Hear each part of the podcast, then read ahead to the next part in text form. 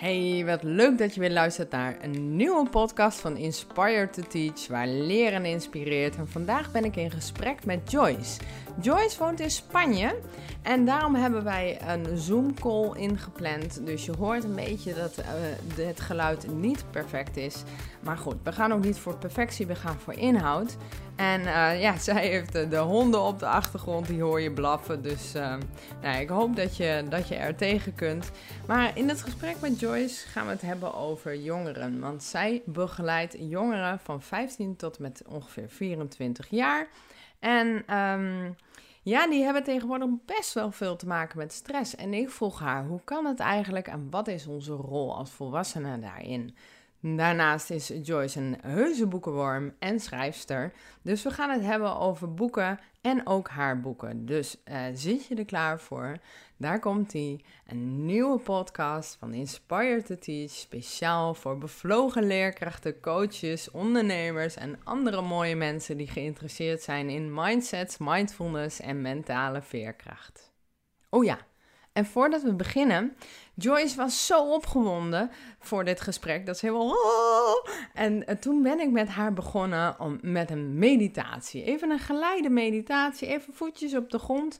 Dus als jij ook zegt van, oh, ik ben inderdaad een beetje druk in mijn hoofd. Of hé, hey, ik heb dat nog nooit gedaan. Of ik kan wel zoiets, zo'n oefening gebruiken. Ga er dan heel eventjes voor zitten. Doe gewoon eens even met ons mee en check gewoon wat dat met je doet. Nou, heel veel plezier. Lieve Joyce, weet je wat we gaan doen? We gaan beginnen zoals ik vaker begin in de klas, in mijn praktijk. Maar ook als ik zelf een beetje moet schakelen en ik denk, ik ben weer helemaal opgewonden. Of ik ben juist een beetje down, of ik zit heel erg in mijn hoofd. We gaan eens even lekker zitten met de voetjes op de grond. En als er luisteraars zijn die denken, wat gebeurt hier nou? Doe eens even lekker mee. Voeten op de grond en je zit of misschien sta je ergens, hè, ben je bezig met, uh, met, weet ik veel, koken of zo. Stop er even mee en ga eens eventjes staan of zitten met je aandacht heel even naar je voeten. En wiebel gerust even met je tenen als dat nodig is. Heel even je enkels zo een beetje draaien. En je denkt, oh ja, dit is de onderkant van mijn voeten.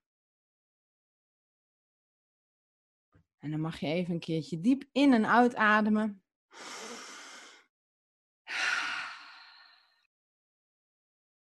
Wat daarbij prettig is voor mensen die dat nog niet zo vaak doen, in door je neus en dan uit door je mond en lekker die kaak los zo. Ah. Zo. En dan nog één keertje.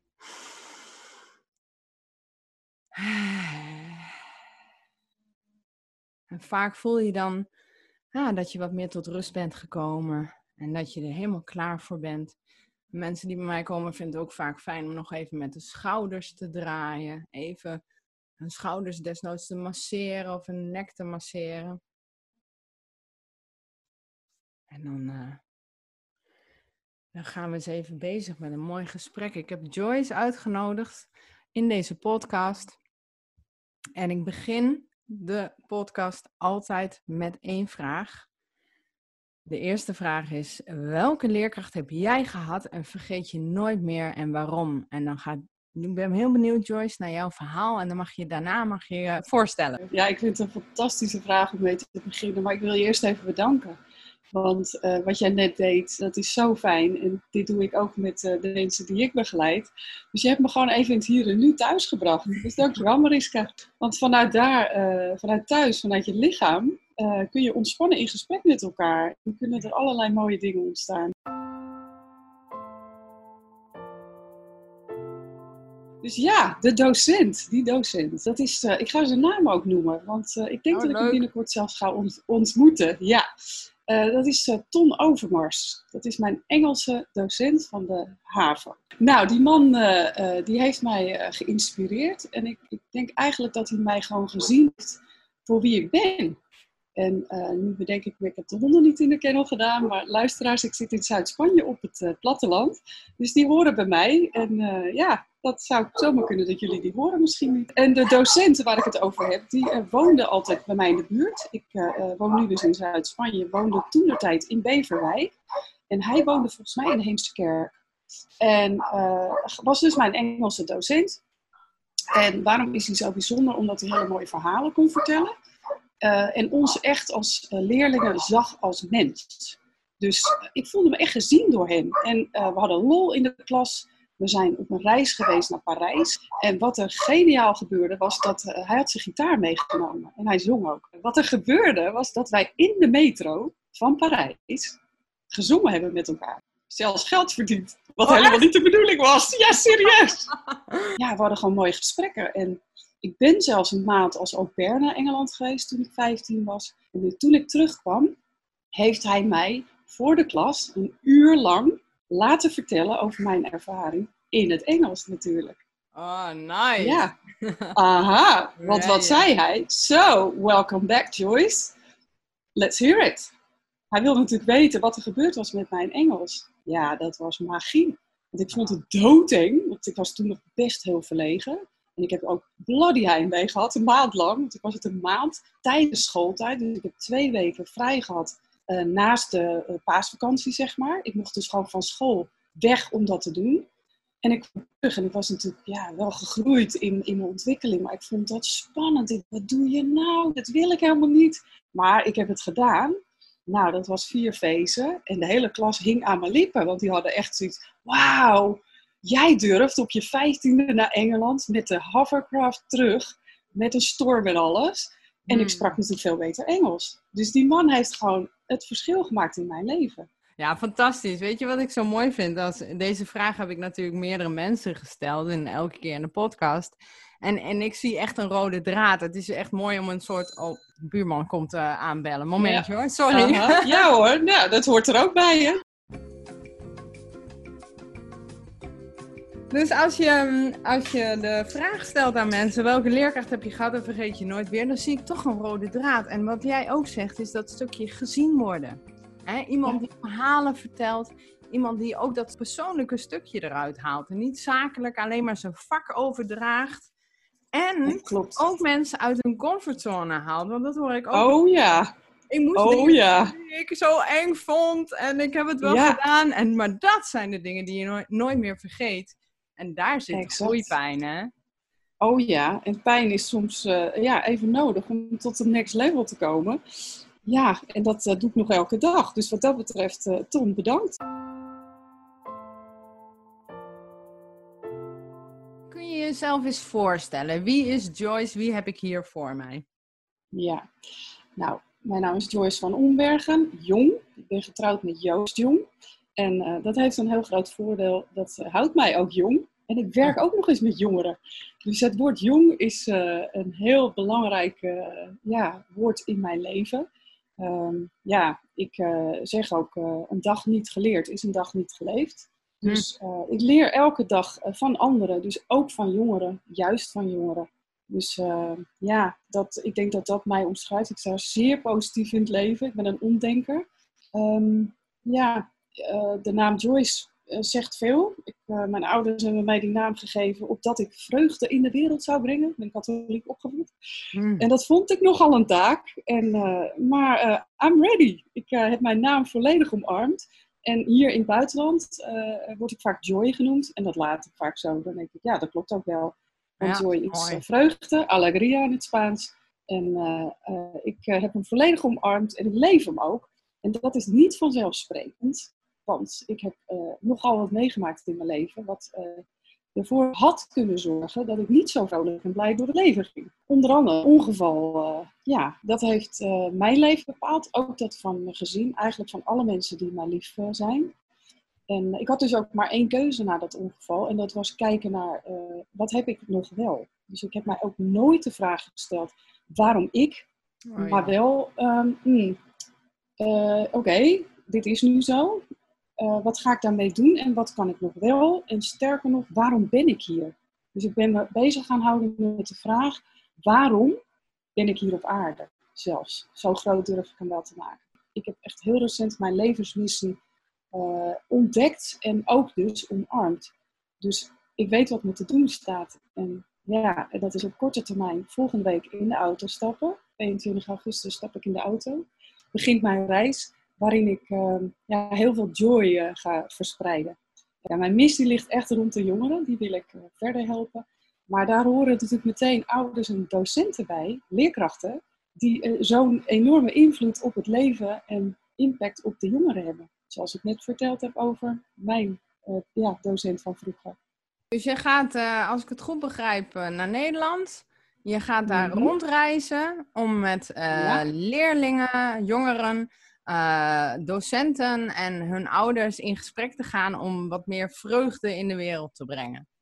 Ja, en eigenlijk om ze terug bij zichzelf thuis te brengen. Dus eigenlijk wat jij net deed aan het begin van de podcast, dat ga ik doen on tour. Ik, uh, ik coach eigenlijk ja, alle leeftijden.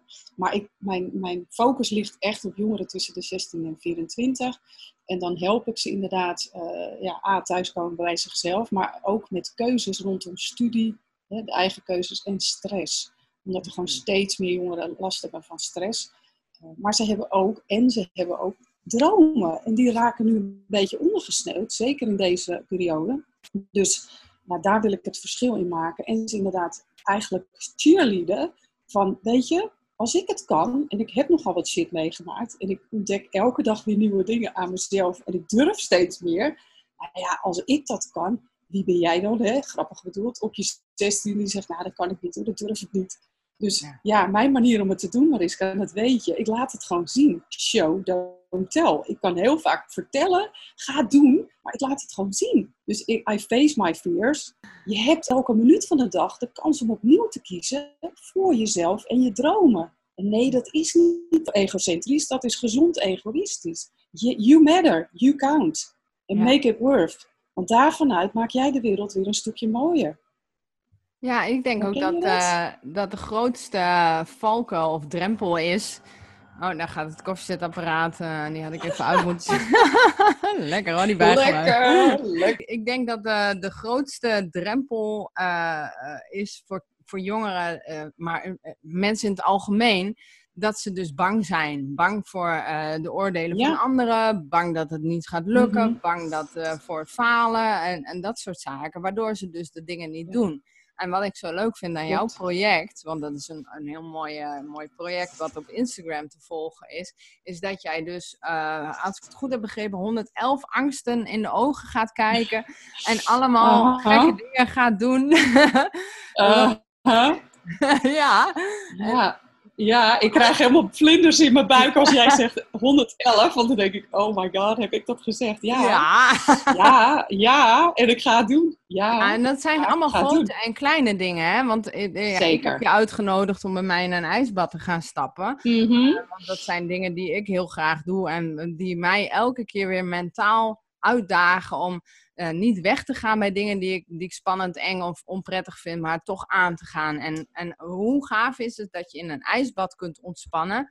Want het ijsbad staat symbool voor allerlei andere dingen die ik ook spannend vind. En waardoor ik een beetje in de stress raak. Maar daarin, ja, ja ik merk gewoon dat als dingen anders lopen dan ik wil, of dat ik ja, dat het toch, uh, ja, dat ik een beetje tegen mezelf aanloop, dat ik veel sneller mezelf kan ontspannen en, en uh, liefdevol kan toespreken van, hé hey Maris, uh, kalm aan, het komt wel goed. En mm. in plaats van, oh nee, en in de paniek gaan schieten, want dat is wel iets wat, waar ik ja, heel goed in was.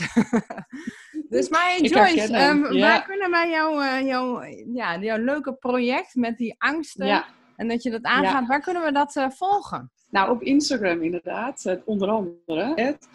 Fearless.joy. En onthoud maar als when there's fear, there's less joy. Dus ja. fear, less joy. Ik zorg dat hij in de show eh, notes uh, terecht komt. Ja, dus als mensen denken, ja, check even de show notes en dan kun je het zo aanklikken en dan kom je bij haar pagina terecht. Ja, en meteen ook de hashtag voor mensen die zich geïnspireerd en geroepen voelen om uh, mij uit te dagen, maar vooral ook mee te doen. Dat is hashtag FearlessJoy111, 111.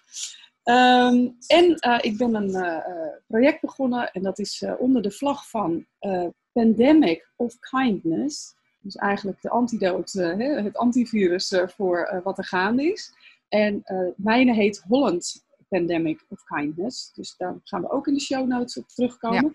Want dat is een besloten groep uh, waarin, uh, waarin, je, waarin ik je kan toevoegen en waarin je mij kunt volgen. De no-nonsense or down-to-earth glamour hippie is going on a mission.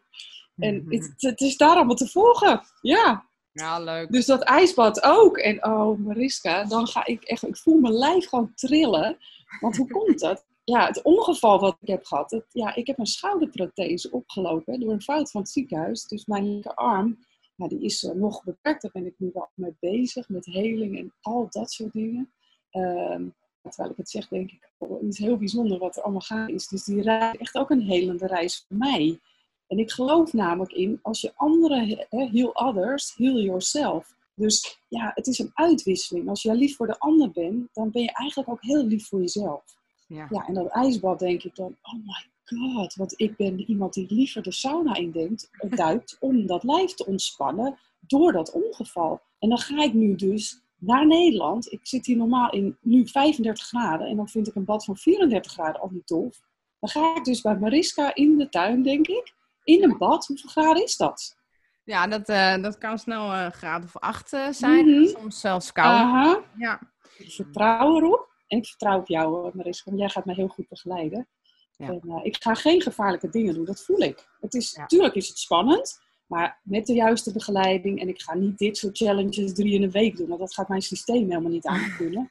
Dus nee, dan moet er wel even ook iemand mij masseren. En even rustig. en ik moet misschien zelfs ergens een keer uithuilen. Want het is natuurlijk ja, ik ga best wel uh, heftige dingen doen. Ja? Nou, dat komt goed uit, want ik kan ook stoelmassages geven. En dan zetten we er gewoon ah. de stoel erbij. ja, precies. Helemaal goed. Je hebt een mooie missie, Joyce. En je doet allemaal leuke, spannende dingen. Um, en ook vooral ook dat stukje van, ja, je kunt wel allemaal vertellen uh, hoe het zit. Maar laat gewoon even zien hoe het werkt. En ik denk dat dat gewoon heel krachtig is hey, maar uh, hey, vertel eens over dat boek wat je hebt geschreven. Ik heb een boek, een roman, mijn eerste roman geschreven. Het is niet mijn eerste boek overigens. Mijn eerste boek was De Online Coach. Dat heb ik samen met een co-auteur geschreven in 2011. Ik ben nogal een innovator, uh, ja, uh, innovatief bezig. Dus dat boek was veel te vroeg. Het ging namelijk over grenzeloos intuïtief coachen. Dus ah. online coachen. En 2011, Mariska, nu wat wij doen is echt normaal. Dat doet iedereen. Maar toen de tijd was ik eh, de eerste, of een van de eerste in Nederland die dat deed. Ah. En uh, dat boek heeft ook niet goed verkocht. Logisch, want mensen begrepen het niet. Die dachten, Joyce, dat kan helemaal niet. Ook nog intuïtief. Hoe dan? Via Skype? Nee, nee, nee. Nou, dat werkte wel. Ik heb zelfs voor uh, grote bedrijven uh, gewerkt.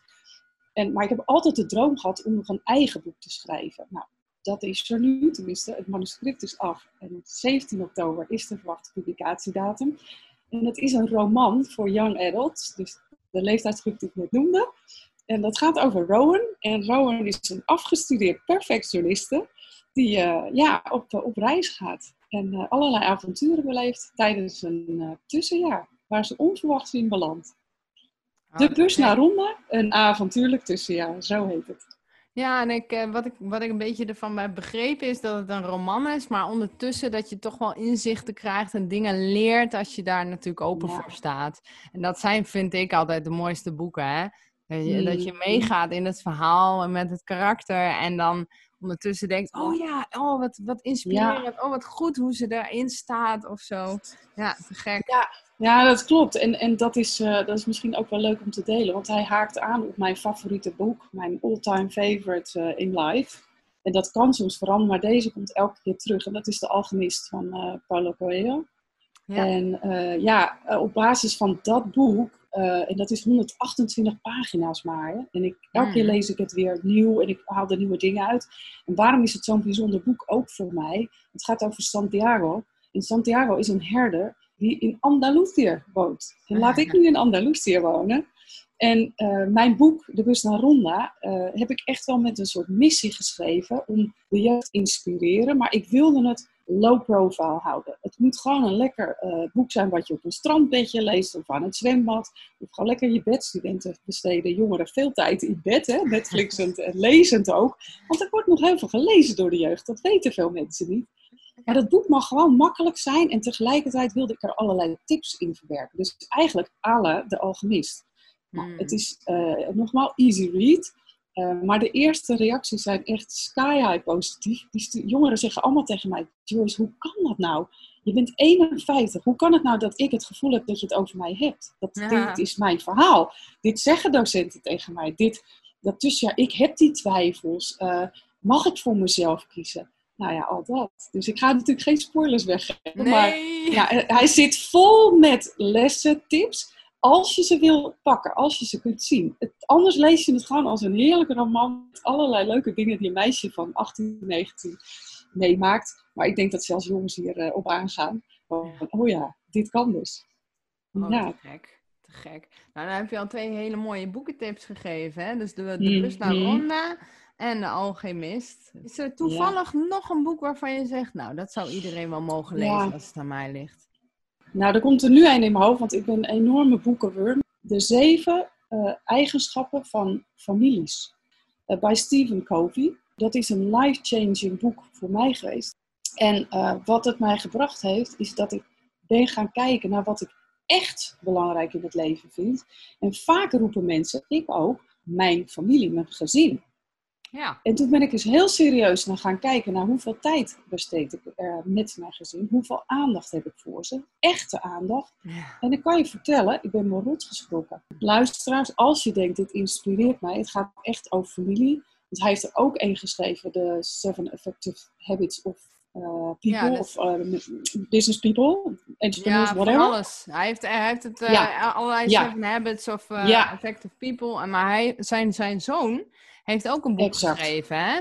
Die heb ik hier in mijn boekenkast staan. Van, dat is Scene Cove. En dan de Ja. zeven eigenschappen die jou succesvol maken, is dan de Nederlandse titel. Mm. Alles wat je ouders je Mhm. niet vertellen. En dat is, Ja. ja. dat is echt wel een, ook een heel mooi boek voor jongeren om te lezen. Hey, nog even terug, hè? want je, je, jij helpt dus jongeren met, eh, met een stukje keuzestress, eh, of, of keuze, Mhm. studiekeuzes en stress. En daar hoort inderdaad dan ook Ja. keuzestress bij. Maar ehm, Oh en- ja. en jij zegt ook van dat, dat jongeren tegenwoordig meer stress hebben. En dat, dat hoor je ook, hè? Burn-out eh, Ja. cijfers onder Mhm. jongeren is vrij hoog. En wat is Mhm. volgens jou eigenlijk de oorzaak van dat jongeren tegenwoordig zoveel stress hebben? Want we hebben toch alles voor elkaar. Hè? Waar, waar komt die stress er Mhm. toch vandaan? Wat is jouw idee daarover? Nou, mijn idee daarover is dat ehm, er heel veel pressure is. Dan hebben we het over peer pressure, dus eh, jongeren onderling. Maar er is ook heel veel pressure van buitenaf. Dus die ga ik even toelichten. We hebben één natuurlijk de World Wide Web. Dus eh, wat wij vroeger niet hadden, wij sto- stopten briefjes in onze tafel om te communiceren met het meisje of jongetje naast ons. Of eh, het uur daarna. Eh, en wij stonden gewoon eh, te kletsen, al, eh, al appel etend of een broodje kaas etend eh, in de pauze. Ja. Zij staan altijd aan. Die mobiel zit in hun broekzak. En dat is een soort, eh, ja, dat, dat trekt. En ehm, ja, wat, wat, het, wat het brengt, is dat eh, die wereld dus altijd bij hen binnenkomt. Dus eh, het beste gebeur, gebeurt online. Wij eh, deden dat achter elkaars rug als we dat al deden. Of het was eerder zichtbaar, ook niet altijd. Maar nu gebeurt het echt uit het zicht van leerkrachten, van ouders, van eh, andere mensen die wel heel erg, die, die ontzettend opletten en gefocust zijn op gaat het goed met een kind. Dat kind zit vaak op zijn of haar kamer, als je niet uitkijkt te lang, in die bubbel. En daar gaat het mis. En Ja. ik las toevallig eh, vanochtend eh, een artikeltje over een jongen van 11. Ik weet niet of je het gezien hebt. Op Nee. NOS was dat, Stories. Ja, het was gisteravond of vanochtend. Een jongen van 11 die frank en vrij zijn verhaal deed. Ik, ik, ik kreeg tranen in mijn ogen. Ik was echt ge- geraakt dat hij dat durfde te delen. Die had namelijk tijdens corona eh, anorexia ontwikkeld. Waardoor? Hij had op zijn kamer, hij dacht, nou, ik wil wel wat meer spieren. Was hij workout-video's gaan volgen van, van die strakke jongens met Ja. een eight six-pack, six-pack, eight-pack. En hij, dat was misgegaan. Dus hij at niet gezond meer en hij is in het beland tijdens corona. En dan kun je als ouder natuurlijk denken, oh my god, wat had ik moeten doen? Wa- Waarom heb ik het niet gezien? Maar dit is zo onzichtbaar dat, en het gaat zo eh, snel. En, en ja, Ja. dat is gewoon scary. Dus Ja. ja. dit is ook natuurlijk een van de redenen dat ik echt naar Nederland wil. Want ik ben super eh, hoogsensitief. Ik voel alles. Ik voel de pijn, de eenzaamheid, de isolatie, de depressie van jongeren. Ze vertellen het ook, want ik spreek zoveel. Dus Joyce, ik lig de hele dag op bed, ik kan alleen maar huilen. En ja, dat raakt me echt. Want ja, die jongeren die zitten daar in die bubbel en die willen echt wel geholpen worden hoor. En we hebben een kindertelefoon en we hebben internet met allerlei hulplijnen. En er zijn dus gewoon jongeren die met zelfmoordneigingen gedachten rondlopen. Die zijn er. Al die video's eh, van die prachtige, mooie jongens en meiden. dat die, is die helemaal happy en vol energie en zo aantrekkelijk. En, ja, en, uh, en, nog... en gefilterd, hè? Ja. En gefilterd. Want op Ja. Instagram, guys, listen up. Het is niet echt heel veel Nee. mensen. Ja, dat is ook echt. Ik bedoel, en even eh, naar mezelf terug. Ik ga dus live op Instagram met de jongeren. En zonder make-up, huilend en al. Het maakt me niet uit. Maar ik wil dat ze zien dat dat de echte wereld is. En dat dat oké is. Want Ja. alles wordt gefilterd. En al die jongelui staan in de branding te poseren, vet te verbranden. Want ze willen de perfect Instagram picture. En Ja. I don't blame them. Ze zijn nog jong, ze zijn in ontwikkeling. En die peer pressure is enorm. Dus als jij niet genoeg likes krijgt, dan ga je wel zorgen dat je ze krijgt. Ja. Al dat soort dingen. Het is echt, ja, ik kan daar echt, je, merkt het al, eh, mijn emotie loopt op. Ik vind dit zo heftig. Als je ook kijkt hoe, Ja. hoe de apps allemaal eh, worden gemaakt, hoe slim het in elkaar zit en hoe we eh, verslaafd worden gemaakt Ja, aan de gemaakt. dopamine. En daar Oh, zitten ja. de hele, hele slimme Er mensen. zit een strategie achter. Ja, absoluut. Ja, Dus ik denk dat het leven voor jongeren op dit moment nou, eigenlijk al jarenlang heel complex is. En dat is niet alleen voor jongeren, het is ook voor docenten, Nee. voor ouders, voor en dat, dat, zeker. die korte lijntjes, dat eh, constant in de gaten kunnen houden van elkaar. Wat dacht je van bij een kinderdagverblijf waar camera's Ja staan? joh, ja zodat joh. ouders hun kinderen 24-7 in de Ja. gaten kunnen houden. En, en, en dat stukje, de maakbaarheid, hè? dat we alles Oh onder ja. controle denken te Ja. hebben. Hey, eh, als, we het, als we het nog even hebben over stress en jongeren en ehm, wat, wat zouden wij als, als volwassenen kunnen doen? Hè? Of we nou Hmm. leerkrachten zijn of ouders of, of de buren of zo. eh, om, Ja. om, eh, ja, om, om die jongeren te steunen op het moment dat je ziet van hé, hey, daar gaat. Die, die jongere die heeft het gewoon op dit moment moeilijk. Hoe Ja. zou- ja, wat zou jij eh, de mensen dan mee willen geven? Ja, nou wat ik met, aan ze mee wil geven is één, haal even diep adem en doe even hoe je jezelf doet. Want het kan ook zijn dat je dingen projecteert op de ander. Ja, ik geloof heel erg in zo binnen, zo buiten. Dus als ik in veilige situaties buiten mezelf zie, ga ik eerst bij mezelf ten raden. Gaat dit misschien toevallig eh, over mij? Of, eh, dus haal even adem. En eh, probeer dan even gewoon op afstand te observeren van wat zie je, wat voel je vooral ook. En eh, voor de, de HSP'ers onder ons eh, tune in. Dus maak even connectie met eh de jongeren. En dat kun je gewoon doen door even je ogen te sluiten en diegene voor je te zien. En gewoon even te voelen van wat heeft diegene nodig. En soms is dat gewoon heel veel liefde sturen. Dus dat kun je echt meditatief eh, aanpakken. Eh, en soms is het eh, een gesprek met diegene hebben. En hou het low-key. Sluit gewoon aan op de belevingswereld van de, van de jongeren. Dus op het moment dat, dat je ziet dat een jongere ergens mee bezig is, ja, stel een vraag daarover. Kijk naar hobby's. Zoek gewoon een low-key ingang om een gesprek te hebben. Eh, ik ben voor mijn jongere tante Joyce, die je op die verjaardag spreekt en waar je dat coole gesprek mee hebt over, joh, werk je ook niet te hard? Is het niet tijd voor een feestje, zo nu en dan? Weet je, studeren is belangrijk, maar er zijn ook nog andere dingen. Dus probeer gewoon als een soort, nou niet te cool, gebruik niet te veel taalgebruik van de jongeren, want het is echt een no Nee, dat werkt niet. Nee. Wees gewoon jezelf, authentiek, transparant en durf ook eens kwetsbaar te delen.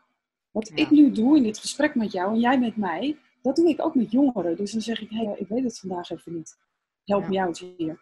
En dan kijken ze me aan, jemig. Ik zeg, ja, ik ben ook nog steeds, van binnen zit nog dat meisje van jullie leeftijd hoor. Ik weet het ook allemaal niet. Wat Nee. zou jij doen? Dus op basis van gelijkwaardigheid, en ja, dan ben jij toevallig de leerkracht, de coach, de moeder, de, de oom, whatever. Maar op basis van gelijkwaardigheid. Ja, ik denk dat het heel belangrijk is dat, dat inderdaad die jongeren zich gehoord voelen.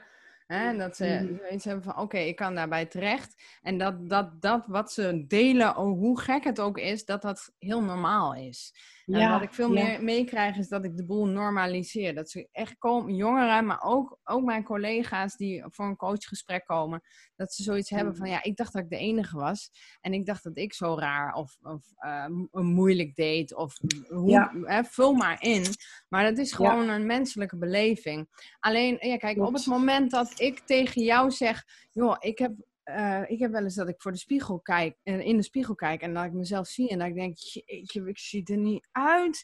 En als ik dat deel met vriendinnen, dan zeggen mijn vriendinnen, nou, hoe kom je daar nou weer bij? Je ziet er zie goed het uit. Niet. Ik zie het niet, je, straalt. Ja en, en, dat is goed bedoeld om mij een goed gevoel te geven. Dat is hartstikke lief. Maar ondertussen mhm. denk ik, ja, ik ben lekker maf. Ik ben de enige die zo voor de spiegel staat. En er is mhm. zelden iemand die zegt, ja, nou, wat toevallig, dat heb ik ook regelmatig, weet je wel. dat hebben we eigenlijk allemaal, toch?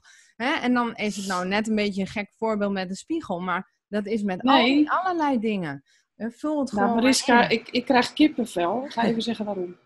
Aan het begin van het gesprek vroeg jij mij welke docent heeft op jouw impact gehad. En nu zeg jij spiegel en een gek voorbeeld. Het is een geniaal voorbeeld, want er is nog een docent die ik heel veel credits nu ga geven. Ja. En dat heeft met een spiegel te maken.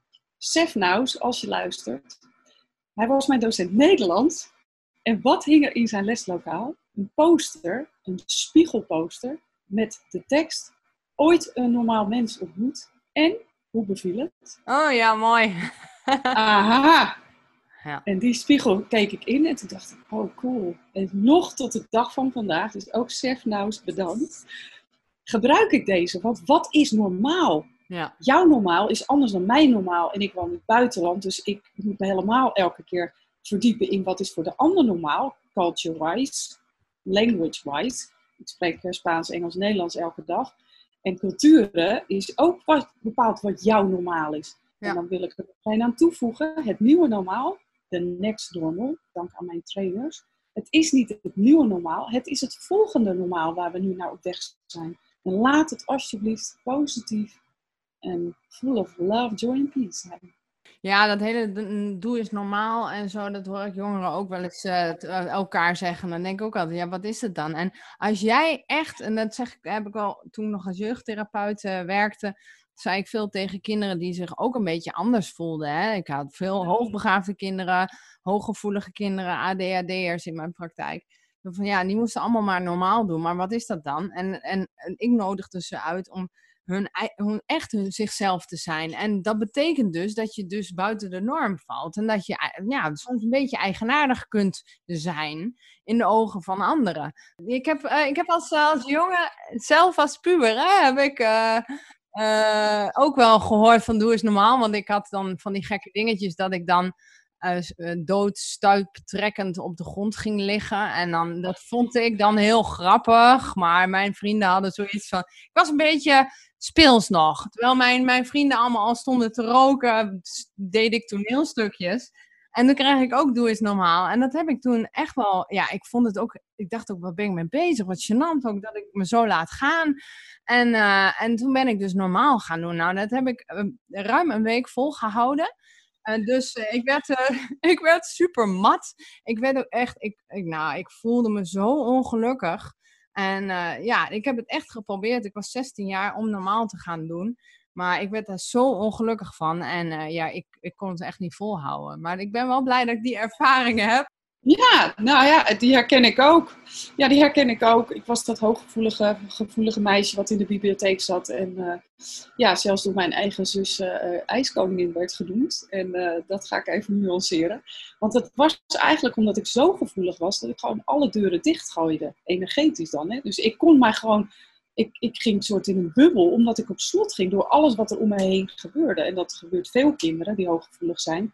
Meestal zo vanaf een jaar of vier, eigenlijk vanaf dat ze naar school gaan. Want dan zijn de eerste invloeden van buitenaf, van uh, leerkrachten, van uh, de, de juf op de kleuterschool. Tegenwoordig nog eerder, kinderdagverblijf, we hebben het net al genoemd. Dus dan gaan kinderen allerlei laagjes ontwikkelen en ja, minder de pure kern leven. Dus ja, eigenlijk wel mooi. Ik ben eigenlijk nu net pas terug bij mijn allerpuurste kern. Al die laagjes, ik heb ook veel uh, gedaan, gesprekken en al dat soort dingen. Om eigenlijk terug te komen bij mezelf. En ik ben, ik ben nooit zo gelukkig geweest. En de, mijn omgeving ook. die zien in één keer een Joyce zonder al die laagjes. En die zeggen, wauw, je straalt. En hoe kan het nou dat je in één keer daar geen last meer van hebt? Nee, omdat ik nu snap hoe het zit. Ja, je bent gewoon weer terug naar de kern, naar, eh, naar het meisje wat je was. Ja, leuk. Leuk thuiskomen bij jezelf. Hey, mooi, mooie tips ook um, uh, hè, om uh, voor de, voor de jongeren te zijn als ze gestrest zijn en dergelijke. mooie boekentips. Ja, nou misschien mag ik nog één boekentip noemen. En, nog een boekentip, kom maar op. Ja, dat, en dat is dan toch ook een van mijn eigen boeken, want ik schrijf ook e-books. En de een heet My Stress en dat is, nou, het kost een paar euro. Ehm, en het is een e-book over voor jongeren hoe ze leren dealen met stress in plaats van er tegen te vechten. En ja, die tip zou ik dan mee willen geven dat als leerkrachten denken van goh, ik zie die jongeren struggelen. Ik krijg terug dat het echt ook ouderen inspireert en helpt. Omdat het gewoon een dun, makkelijk toegankelijk, of, toegankelijk boekje is waar heel veel waardevolle tips in zitten. En ja, ik schrijf met, uh, met humor ook, want ik vind leren hoeft niet zo moeilijk te zijn. Het mag makkelijk. Dus nou ja, dat. My Stress heet het. Uh, voor de mensen die denken, oh ik wil al die boeken lezen, maar ik kom naartoe aan boeken. En hier nog even een tip die ik zelf heel veel doe, is um, tien bladzijden op een dag lezen. Of om de dag. Of een kwartiertje heb ik wel eens gedaan. In elk geval een kwartier lezen. En het liefst eh, begon ik daar dan s ochtends mee. Um, dan had ik dat doel al bereikt. Dat gaf wel een goed gevoel. Maar als je elke dag tien bladzijden leest. Kijk, ik heb dyslexie, dus dat is dan uh, al een hele opgave. Maar misschien kunnen andere mensen eh, 15 bladzijden. Ja, kijk, na, na, twee weken heb je al een, een, heel mooi informatief boek van, weet ik veel, 250 bladzijden uit. Wat dacht je van de luisterboeken, de podcasts? Tijdens het wandelen, tijdens de afwas. Oh, I love them. Ja, ik merkte wel dat ik op een gegeven moment heel veel luisterboeken aan het luisteren was. En ook tijdens wandeling, overal. En dat ik dacht, oh, mijn brein, oh, ben ik nu weer aan het volstoppen? En dan heb ik wel een, eh, een, een wandelverbod. Als in, als ik wandel mag ik geen audioboeken, maar wel bij saaie huishoudelijke klussen. Uh, daar doe ik het wel. Nou, dat, dat, is heel mooi, want ik woon natuurlijk op platteland en ik wandel elke ochtend met de hond. En uh, ik had dat ook, dat ik dacht, nou ben ik toch weer te veel activerend bezig. Mijn hersenen gaan, maken al overuren nu, dus even niet. En toen heb ik iets anders ontdekt en dat was uh, poetry. Dus, um, ja, sorry dat ik talen door elkaar gooi, maar dat is dus wat er gebeurt als je twaalf jaar in het buitenland woont. Um, poëzie. Uh, dus ook uh, podcast, maar dan poëzie. Dus dan, uh, en meditaties, geleide meditaties tijdens het wandelen. En er zijn er hele mooie te vinden. En dan ga je namelijk vanzelf vertragen tijdens het wandelen. En nog een kleine tip. Als je wandelt, die heb ik ooit van mijn coach gekregen. Wandel met aandacht. En zet de datum en je naam van vandaag in je voeten tijdens het wandelen. En let eens op wat er dan gebeurt. Hoe doe je dat? In je voeten zetten? Kun je voor de mensen die dat nog... Ja, sorry, dat is natuurlijk lekker weer spiriwiri. Deze nuchtere Noord-Hollandse uh, zegt soms, uh, moet even de vertaalslag maken. Je, zet hem, je, je bedenkt eigenlijk, je fantaseert tijdens het wandelen, dat je je naam in je voeten schrijft. En het liefst je volledige naam, inclusief geboortenaam en de datum van vandaag. En wat ik elke keer ontdek is, oh shit, welke dag is het vandaag? Nou, dat is niet mindful, als je dat meteen niet weet. dus dan weet ik, oké, langzamer lopen, Joyce, adem in, adem uit. En dan doe je drie keer langer over die wandeling. Maar je komt super ontspannen terug in het hier en nu. En uh, ik denk dat ik nog een laatste uh, mee zou willen geven. Gewoon als, uh, ja, waar ik nu heel erg mee bezig ben. En dat is eigenlijk een hele eenvoudige. Be kind to others, but also especially to yourself. Zo is dat.